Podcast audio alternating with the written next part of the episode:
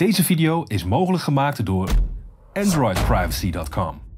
Met onze Snowden Phone en het privacy-platform helpen we je Big Tech volledig uit je leven te bannen.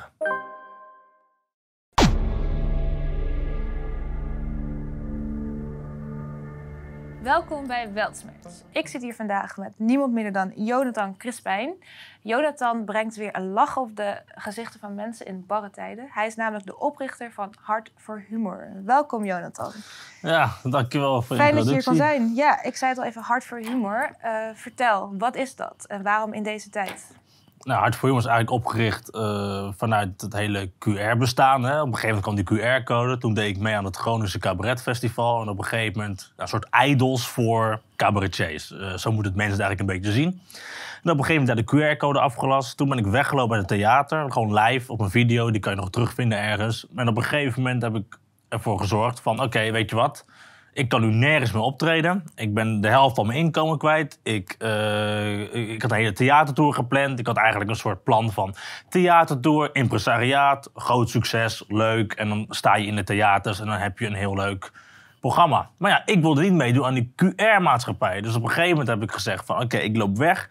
En dan doe ik het maar zelf. En ik ken toevallig een aantal cabaretiers die ook niet mee wilden doen aan de QR-maatschappij. Ja, namelijk... Eh, nou, namelijk Chris van der Ende, die heeft vaak bij Ponet gezeten. Heeft Comedy Factory gedaan met Javier Guzman. Heeft, eh, heeft ook bij Jurgen Remen is Laat heeft hij ook wel eens opgetreden. Dus een hele best wel ja, geëngageerde comedian die eigenlijk best wel veel ervaring heeft. Dus ja, en eh, Wouter Meijs ook. eh, ex-voorprogramma Hans Steeuwen. eh, ex-Toemler ook er geweest. En ja, die is naar Engeland toe gegaan. Uiteindelijk is hij teruggekomen, ook door de QR-maatschappij. En die kwam ik toevallig tegen. En zo is het gaan rollen. Ja. En Ja. ja, En nu sta je twee wekelijks, of twee keer in de... één keer in de twee weken, als het goed is, sta je op het podium. In ieder geval hier bij Weltsmerts, maar Ja. ook op andere plekken, geloof ik. ja, wij treden nu gemiddeld drie keer per week op. Eh, maart is nu ook nog steeds volgeboekt, ondanks de QR-code. Want wat je ook merkt op dit moment is dat mensen die... eh, ja, mensen juichen nu. Hè. De QR-code is weg. Alleen het is heel raar om als eh wappie zijnde terug naar de keukentafel toe te gaan. Na twee jaar uitgesloten te zijn. En dan, hé hey familie, ik ben er weer. Ja, Ja, dat is een beetje een rare situatie. En dat merk je ook dat heel veel mensen nog steeds met elkaar blijven banden. Omdat ze dan vrij uit kunnen praten. ja. En ik denk dat humor daar een perfect voorbeeld van is. Waar je vrij kan praten zonder dat je eh, ja, censuur hebt eigenlijk. Ja, ja, ja, en censuur, dat is natuurlijk al sowieso een heel groot ding in deze tijd. Hè? Want ik weet dat Chris volgens mij al een soort van gecanceld was, zelfs nog voor corona, toch? Ja, Chris die had een eh, grap gemaakt eh, voor omroep Ponet. Toen echt zes jaar geleden, wat dan ook. Ik vind Ponet op dit moment niet echt een hele goede ja, eh, kanaal op dit moment. Eh, vooral niet hoe zij eh, demonstranten belachelijk hebben gemaakt enzovoort. Maar Chris zat daar en die deed eh, ja, een Zwarte Piet grap. En ook een Belmer Safari Tour. Nou, een van die Zwarte Piet grappen was dat heel veel mensen zeiden... ja, Zwarte Piet, dat refereert aan het slavernijverleden. En dat betekent dat ze de blanke man die, die, ja, die, die onderdrukt de zwarte man. En dat is dan zeg maar het verhaal in het Sinterklaasfeest. Nou, hij zei, Zwarte Piet is geen neger. Want een echte neger, die komt je schoorsteen binnen, die haalt je schoen weg, cadeautje weg, die zet een wielplantage neer, eh, je vriendin is zwanger, je huis ruikt naar kip en al dat soort grappen maakte die. En op een gegeven moment eh, was er ook eh Toenahan Kuzu van Denk, die Ja. was net afgesplitst van de PVDA.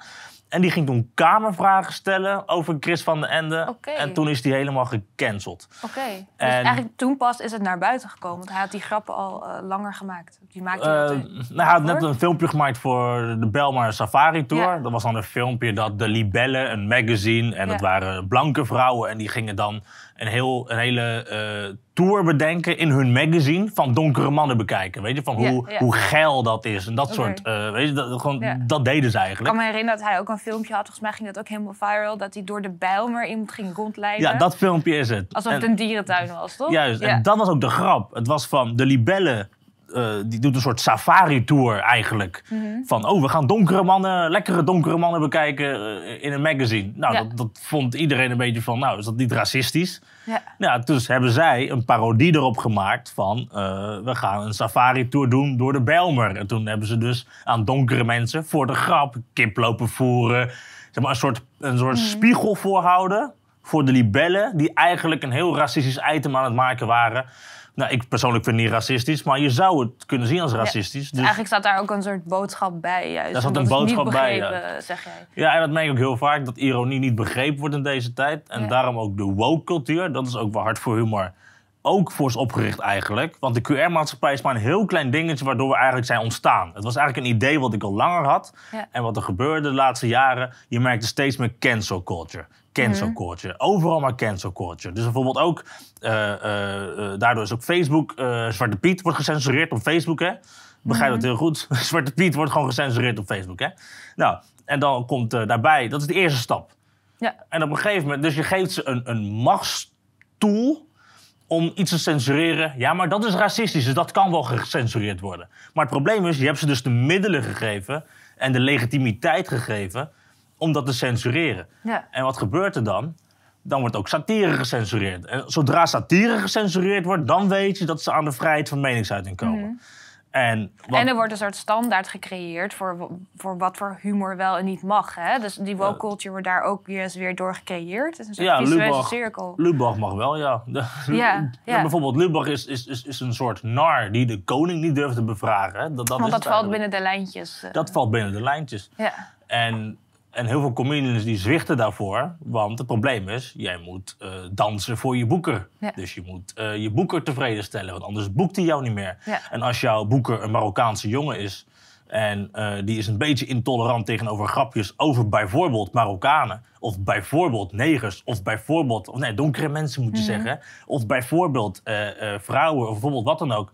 dan zal die boeker zeggen... nee, daar voel ik me door gekwetst... dus dit is geen goede comedy. Ja. Daar gaat het om. Comedy is gemaakt om te kunnen kwetsen zonder intenties... en daarbij een lach te kunnen maken. Ja, ja, ja, dus daar, eh, heb jij, daarvan heb jij gezegd, wij gaan die lijntjes, gaan we in ieder geval vervagen of we gaan buiten die lijntjes stappen.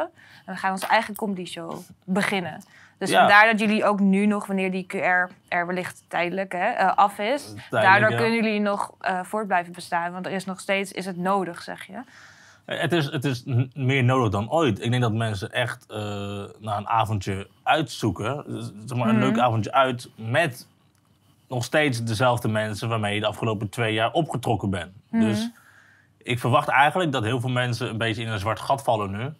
Van ja, weet je, dan- dan zit je wel weer bij de keukentafel zoals ik net aangaf. Mhm. Maar het zijn dezelfde mensen die qua gevoel jezelf hebben uitgesloten. Ja, ja. Dus je ziet nog steeds alle nou, wakkere communities, om Ja. het zo te zeggen. Die zien nog steeds met elkaar optrekken, zien nog steeds met elkaar dingen organiseren. En ik wilde eigenlijk dit onder de aandacht brengen, omdat eh, wij op dit moment... Nou kijk, in maart staan we nu volgeboekt. Mhm. In april zijn we nog op zoek naar locaties. Dus als iemand een locatie heeft, dat kan een restaurant zijn... eh, dat kan een loods zijn, dat kan een, zijn... verjaardagsfeestje. Wat Een verjaardagsfeest zijn, Ja. eh, een huiskamer-evenement, een, in een kantoorpand... Ja. eh, in Kippenhok hebben we opgetreden. Ja, ja. Letterlijk, we, we zijn overal heen gegaan hè, tijdens de lockdown. En ik zal ook nooit vergeten dat ik in, eh, in de buurt van Spijkenisse was, in een eh, bepaald centrum. En toen was er een meisje en die was meegebracht door de moeder. En Mhm. dat meisje zei letterlijk tegen ons van... ja, ik heb voor het eerst sinds twee jaar... Ze was 15, hè? Ze zegt, ik heb voor het eerst sinds twee jaar weer gelachen. Nou, dat soort opmerkingen, daar zijn we heel erg blij mee geweest Mhm. tijdens de lockdown. ja. En we willen het eigenlijk voortzetten, omdat we eh, humor zo'n belangrijk ding vinden op dit moment. Omdat het ook een beetje, ja, hoe zou ik het zeggen, de, de, de spiritualiteit raakt, denk ik. Ja, dat zei je. Dat, dat hoorde ik al van tevoren, dat je daar ook even over wilde gaan hebben. En toen dacht ik meteen, hè, humor, spiritualiteit. Hoe, hoe gaat dat samen? Dus wat bedoel je daar precies mee? Nou, wat ik heel erg merk is dat heel veel mensen nu eh, een soort, eh, ja, hoe kan je het zeggen, een awakening noem ik het maar even. hè, een, een, een wakker wordproces eh, zijn doorgemaakt. En die gaan op een gegeven moment heel erg in eh, liefde en verbinding spreken. Ja. En, dan wil je niet alleen wakker worden, zeg maar, vanuit de overheidsmatrix, maar dan ook echt spiritueel wakker worden. Ja, die ook spiritueel wakker zijn geworden. Die Ja. nu bijvoorbeeld eerst best wel nihilistisch door het leven gingen. Maar nu geloven in een oneindige ziel. En dat je je bewustzijn moet verruimen. Ja. En dat je ja, ook bepaalde ja, zelfontwikkelingen moeten doorgaan. Dus bijvoorbeeld niet meer roken, niet meer eh, alcohol drinken. Mhm. Niet meer, eh, in ieder geval dat fors minderen. Ja, en, ja, niet meer laten, door, laten, eh, door angst laten leiden. Dat Niet meer door angst laten leiden. Mediteren. in je kracht stappen. Dus inderdaad die angst ook laten vallen. Hè. Dus vaak mensen die dan, ik zeg maar wat, niet durfden op te staan tegen hun baas of zo, weet ik Mhm. veel. En dat doen ze dan wel, omdat ze een spiritueel, ja, of het nou spiritualiteit is of zelfbewustzijn, hoe je het ook wil noemen, een bepaald besef is gekomen bij mensen van, oké, dit, ik moet deze, eh, deze ja, mindere kanten van mezelf, in ieder geval de, de, de nog ontwikkelende Mhm, ja, ja, kanten, ja. Waar verbetering zit. ja, waar verbetering zit, die moet ik gaan ontwikkelen. die worden aangepakt nu. Ja. ja, En, hoe wat- komt humor daarin dan? nou, en humor is dus het, en dat is dus het punt. Dus die mensen die zitten dus voor, eh, nou, die zitten zi- zichzelf te ontwikkelen. Mhm. Alleen wat er heel vaak nu gebeurt is eh, liefde en licht. Dat wordt Ja. continu geroepen. Liefde en licht. Ja. Liefde en licht. Ik zal nooit meer iemand haten. Ik zal nooit meer eh, negatief spreken over iemand. Alleen zal- maar positiviteit. Alleen maar positiviteit, weet je wel? Ja. Dus stel je voor, ik zit in de kroeg en ik zeg tegen iemand van... eh, nou ja, wat een naar wijf. Ja. Dat mag je niet zeggen. Dat is, dat is niet 5D, zeggen ze dan. Ja, Niet ja. vijfde dimensie, eh, dimensie of wat dan ook. Die zeggen dan, ja, dat, dat kan niet. Want dat- het licht, dan, dan denk je dat soort dingen niet meer. Mhm. Terwijl ik denk dat je die duistere gedachten juist moet een soort van incarneren in Mhm. jezelf. Van, hé, hey, die gedachte is er. Dat ben ik niet. En mijn geweten filtert dat. Dus ik zeg dat niet tegen Mhm. die persoon. Maar ik denk het wel. Anders is het misschien alleen maar een onderdrukking. Hè? Van die, als Ja. jij denkt wat een naar wijf en je mag Ja. dat niet meer zeggen, dan onderdruk je dus dat, dat gevoel. ja, je onderdrukt het, het, het, het nare gevoel, wat je, of de nare gedachten die je ook in je gedachten hebt. Want Ja, ik geloof zelf heilig in dat wij, zeg maar, we zijn God, maar ook de duivel.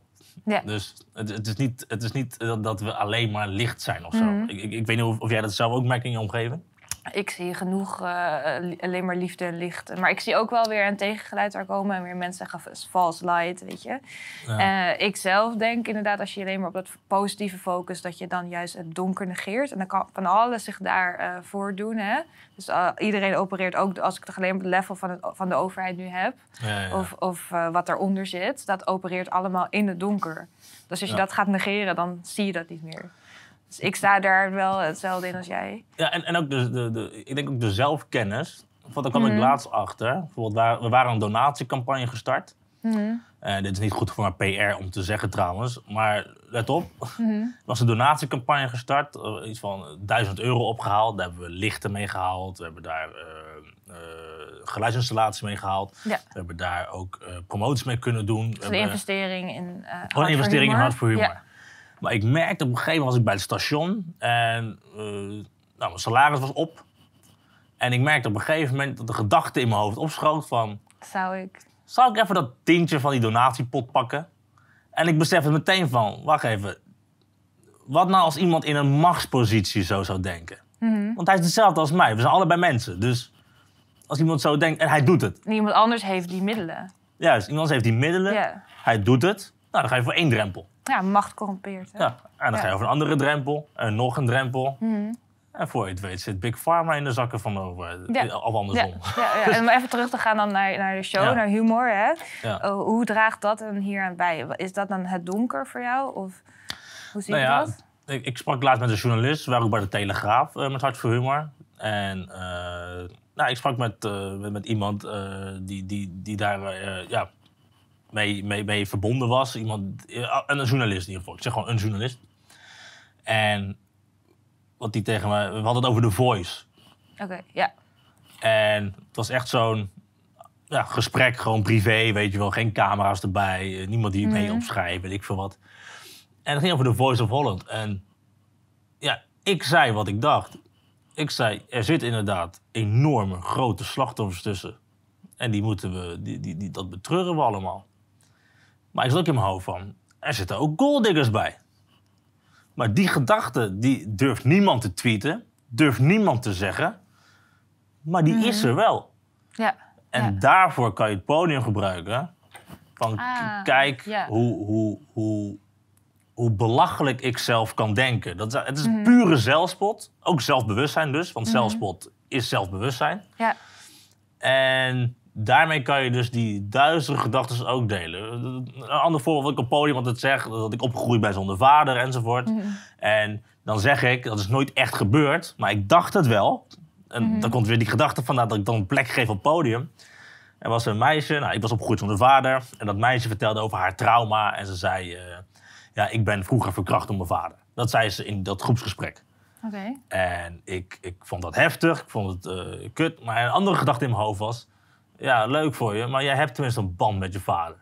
Nou, heb ik Ja. natuurlijk niet gezegd, hè? Nee, nee, totaal nee. fout om te zeggen. Kan niet. Maar dat kun je wel op het podium Op misschien. het podium is het Ja. duidelijk, want iedereen lacht er ook om van... Oh, weet je, van... Oh, oh. Eigenlijk is het een soort therapie. Voor eh, zowel de comedians, maar misschien ook voor het publiek. Want die, die kunnen die gedachten weer herkennen. Hè?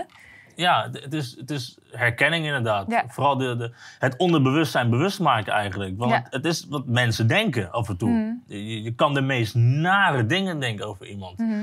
Dus ik zeg altijd ook, je, je, jij bent je gedachten niet. Je bent eh, ja, de kwaliteit van jouw geweten. Dat, dat ben je Oké, uiteindelijk. ja, mooi gezegd. Dus, Ja. je hebt, dus je hebt de gedachte, nou, die komt in je hoofd op. En dan kan je naar handelen of niet. En je Mhm. geweten bepaalt, ga ik daar naar handelen of niet? Ja, En als je daar niet naar handelt, nou, perfect. ja. Goed mens. Ik weet dat ze in de tijd, bijvoorbeeld eh, in de Gouden Eeuw, hadden ze toneelstukken. En, en, en het doel van de, de tragische toneelstukken, van de tragedies, was dan dat er iets heel heftigs op het podium gebeurde. Dat is dan geen comedy, maar wel iets tragisch. Iemand ging dood of op een gruwelijke manier. En het doel daarachter was dat het publiek door al die emoties heen ging. Omdat vervolgens, eh, eh, dan hebben ze dat gehad. En dan in het echte leven kunnen ze dat beter aangaan. Maar ook, het is ook een soort cleansing als het ware. Dus ik moet daar opeens aan denken. Want dat is Ja, in dit geval dat ook is het zo. wel. Want, want jij eh, uit je op een podium en Chris uit zich op een podium. Jullie noemen allerlei negatieve dingen. En mensen die lachen erom, maar die gaan daar ook doorheen. Die vinden het misschien wel lekker. Een beetje het satisfying van ah, het wordt gezegd. Ja, ja. Het komt er allemaal uit. Dus het dat is een voel je ook aan de lach, hoor. Ja, Dat voel je ook aan de lach van...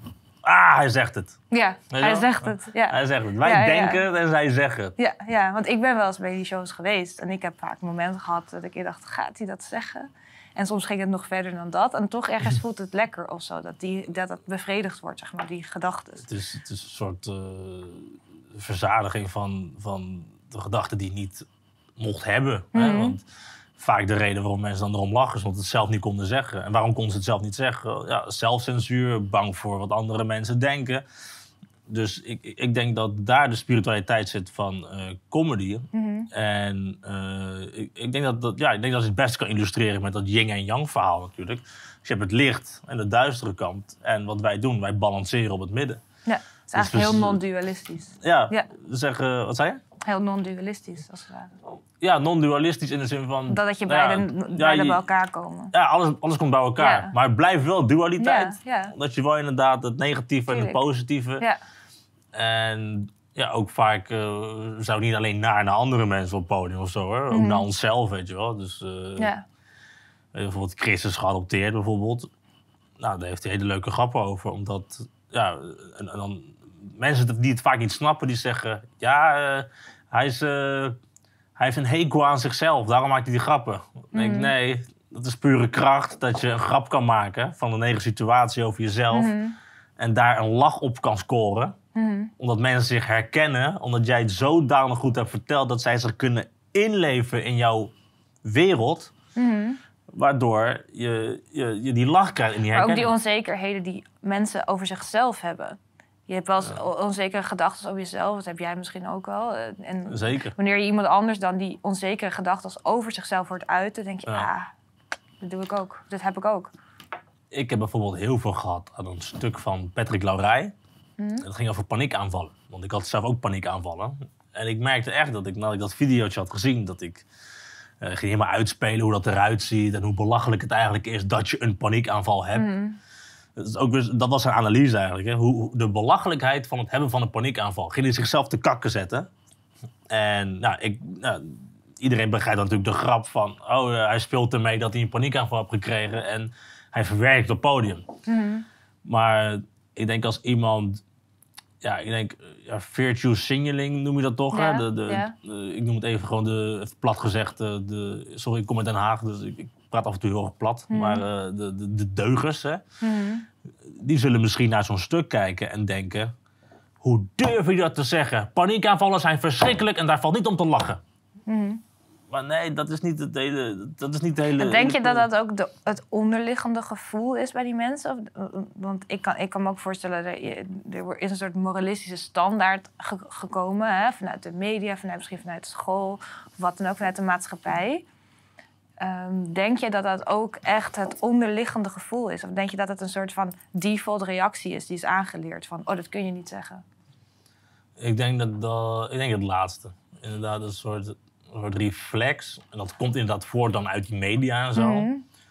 Zit allemaal in je onderbewuste van, oké, ergens in je onderbewuste zit dat gewoon van, oké, eh, de media heeft gezegd, of in ieder geval, ik heb ergens gelezen dat dat niet gezegd kan worden. Ja. Ik heb een keer op een verjaardag gezeten en iemand zei zoiets en toen werd die aangevallen, dus hey, laat ik het maar ook niet zeggen. Dus al die Ja. dingen spelen in het onderbewuste bij je en dan, als je daar niet bewust van bent en je ziet het op podium en je bent niet echt, eh, sorry hoor dat ik het zeg, maar geen goede comedy gewend, dan... eh, eh, Mhm. Want je zegt goede comedy is comedy zonder censuur. ja, goede comedy is comedy zonder censuur. Waar geen enkele grens zit. En daarom noemen we het ook altijd hart voor humor. Het vrije woord verpakt in humor.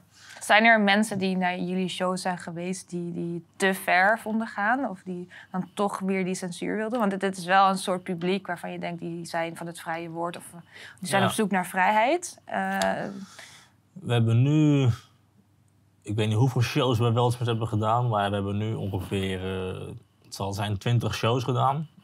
En dat waren circa 2000 mensen die we nu vermaakt hebben. Dat is alleen maar Weltsmerts. Dus nog door het hele land hebben we misschien nu 5000 mensen bereikt. Mhm. We hebben laatst ook in een andere krant gestaan.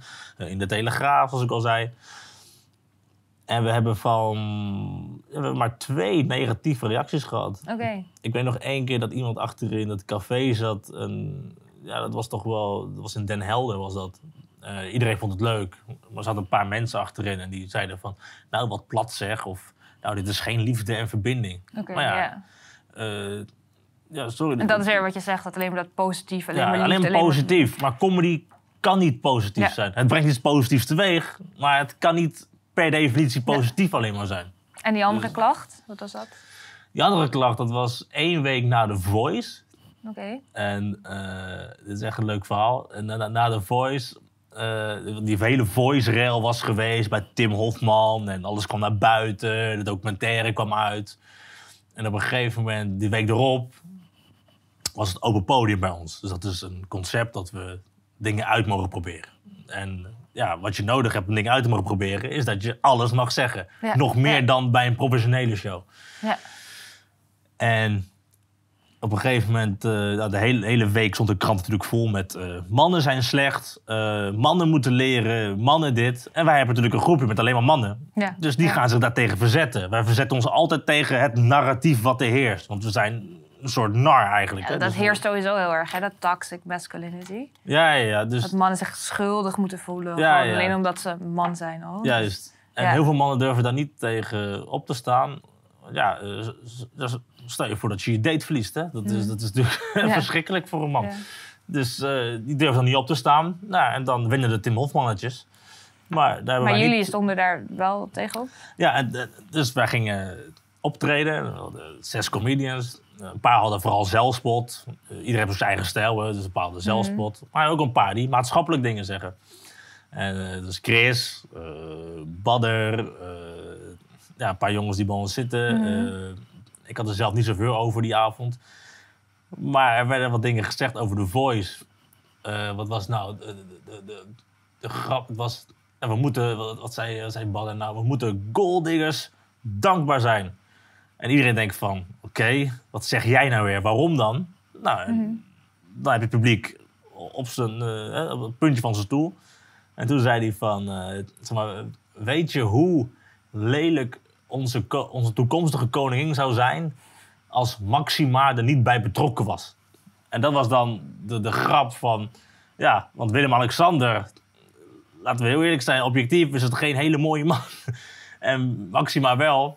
En nou, de implicatie is natuurlijk dat Maxima dan de goaldigger zou zijn voor- Eigenlijk, want volgens mij, ik was daarbij volgens mij. En volgens mij was de conclusie eh, van hem toen... Het is een soort win-win. Van de rijke mannen hebben een, in ieder geval een mooie vrouw. En Ja. de, die mooie vrouwen hebben een rijke man of zo. Dat het van beide kanten eh, evenredig... Zoiets was het, geloof Ja. ik, hè? Ja. het, het hoort niet zo te zijn, maar eh, Nee. het is nou eenmaal de realiteit. Mhm. En En daar kreeg je toen een klacht over? ik kreeg een klacht. Het was vrouwonvriendelijk. Het was, weet ik eh, vrouwonvriendelijk. Het was heel erg eh, seksistisch. Volgens mij werd ook racisme genoemd en zo. Een hele mail opgesteld van een vrouw. Racisme is op zich wel grappig, want, want eh eh, Badder is Marokkaans volgens mij, toch? Ja. En dan heb je Chris, eh, wat is zijn afkomst? eh, geadopteerd, maar Braziliaan. Ja, eh, ja, en dan heb je jou. ja, Colombiaans. ja, dus dat is op zich al...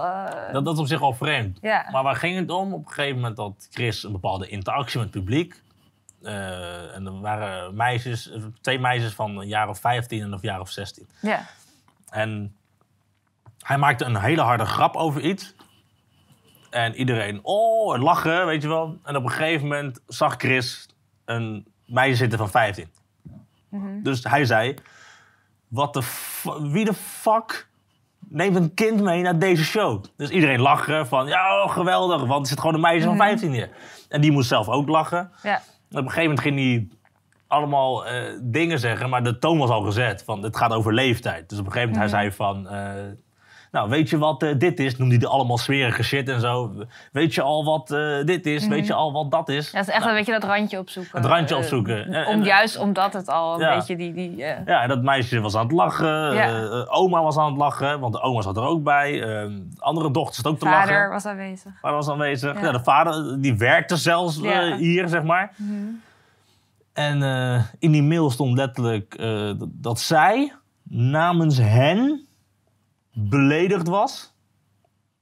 Omdat Ja. hij die grappen maakte. Dat is een beetje die bemoeienis, hè? Ja, van dus ik begreep het niet. noemt. Ja.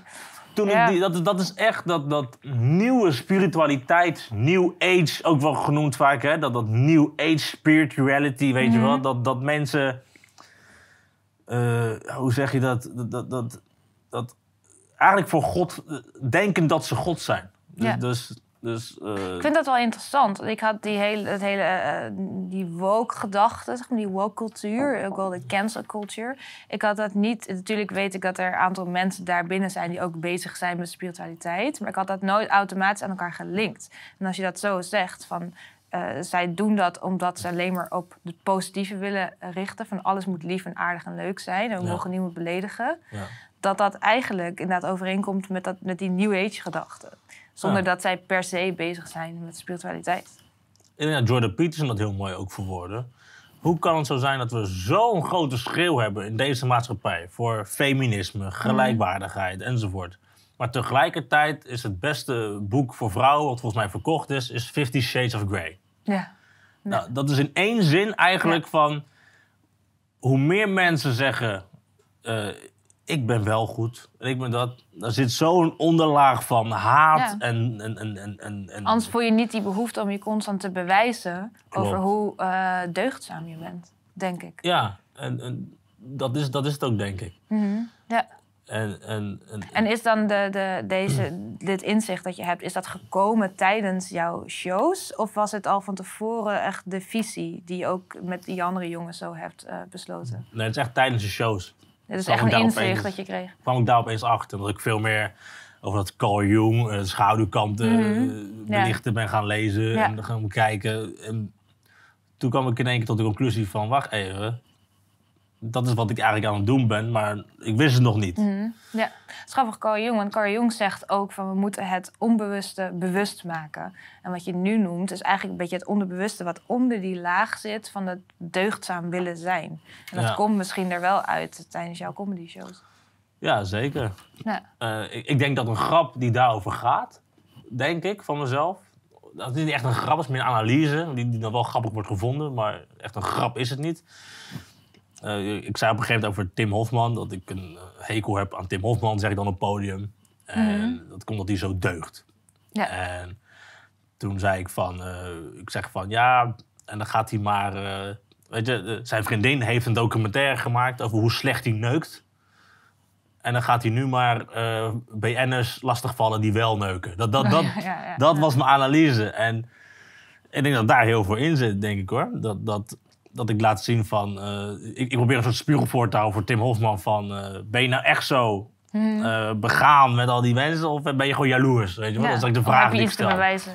Ja. Een vraag zonder conclusie. Want Mhm. ik weet het niet over Nee. Tim Hofman. Ik weet het niet. Volgens mij heeft hij hele goede intenties. Maar ik denk dat comedy dat, comedy dat ook doet. Dat jullie dingen zeggen zonder echt... je zegt niet het is zo. Jullie trekken geen conclusie, maar het is een grapje. En dat zet mensen wel aan het denken. Ja. Indirect is dat ook een soort vraag. Van in hoeverre is dit echt? Ja, wij zeggen niet dat het zo is. Wij zeggen dat, we, dat, we, dat wij het zo voelen. dat, dat zeggen we eigenlijk. Ja. En ik denk dat, ironisch genoeg... eh, kijk, freedom of speech zeggen ze altijd... eh, facts don't care about your feelings. Eh, maar bij comedy is het precies andersom. En dat Is er iets, eh, eh, feelings don't care about facts. Kan het te ver gaan, denk je? Is er een grens? Of t- is er er- ergens eh, waar je zegt van... oké, hier trek ik wel echt een grens. Dit zou ik niet kunnen doen of zeggen, ook al is het comedy? Ik kan eh, niks bedenken. Ik heb, wel, ik heb wel wel eens het gevoel gehad van, oké, ik zou dat nooit doen op podium. Oké, Maar ik heb nooit de behoefte gehad om dan tegen diegene te zeggen van, niet doen. dit mag je niet zeggen of zo, of dit kon niet. Of dan zou ik meer met hem praten van, eh, hey, ik, ik snapte het niet. Wat bedoelde je daarmee? Wat was de, de angle? Dan ga ik daarover praten. Maar ik ga niet naar hem toe lopen en zeggen van... "Nou, dat is schandalig wat je deed. Want ik weet niet wat, wat de joke is. Dus misschien heb ik het niet begrepen. Maar hij wel. Maar voor jou persoonlijk dan? Zou er, zou er, er dingen zijn waar je zelf geen grappen over maakt? Nee, er zijn eigenlijk geen dingen... Ik heb zelfs over pedofilie heb ik zelfs grappen gemaakt. Eh, een van onze comedians, ik ga niet zeggen wie... eh, die, die maakt zelfs een grap over de holocaust. Dus ja, ik, ik, Het is grenzeloos. het is echt grenzeloos. Ja. Wanneer is je eerstvolgende show? De eerstvolgende ligt aan de uitzending. Maar de eerstvolgende is nou ja, zaterdag in Gorinchem. Daar zijn nog eh, tien kaarten over of zo. Dat is echt bijna Nee. uitverkocht. En dan eh, donderdag eh, 10 maart in Friesland ergens in een restaurant. Eh 17 maart weer in Friesland ergens in een restaurant. Eh 19 maart eh, in de buurt van Urk. Je het wel goed uit je hoofd? Of, Eh, ja, ik weet het vrij goed uit mijn hoofd Ja. hoor. Want ik moet al die contacten ook nog eh, ja, leggen. En waar kunnen mensen dit vinden, de, de Eh, agenda? ja, www.hartvoorhumor.nl. Ja.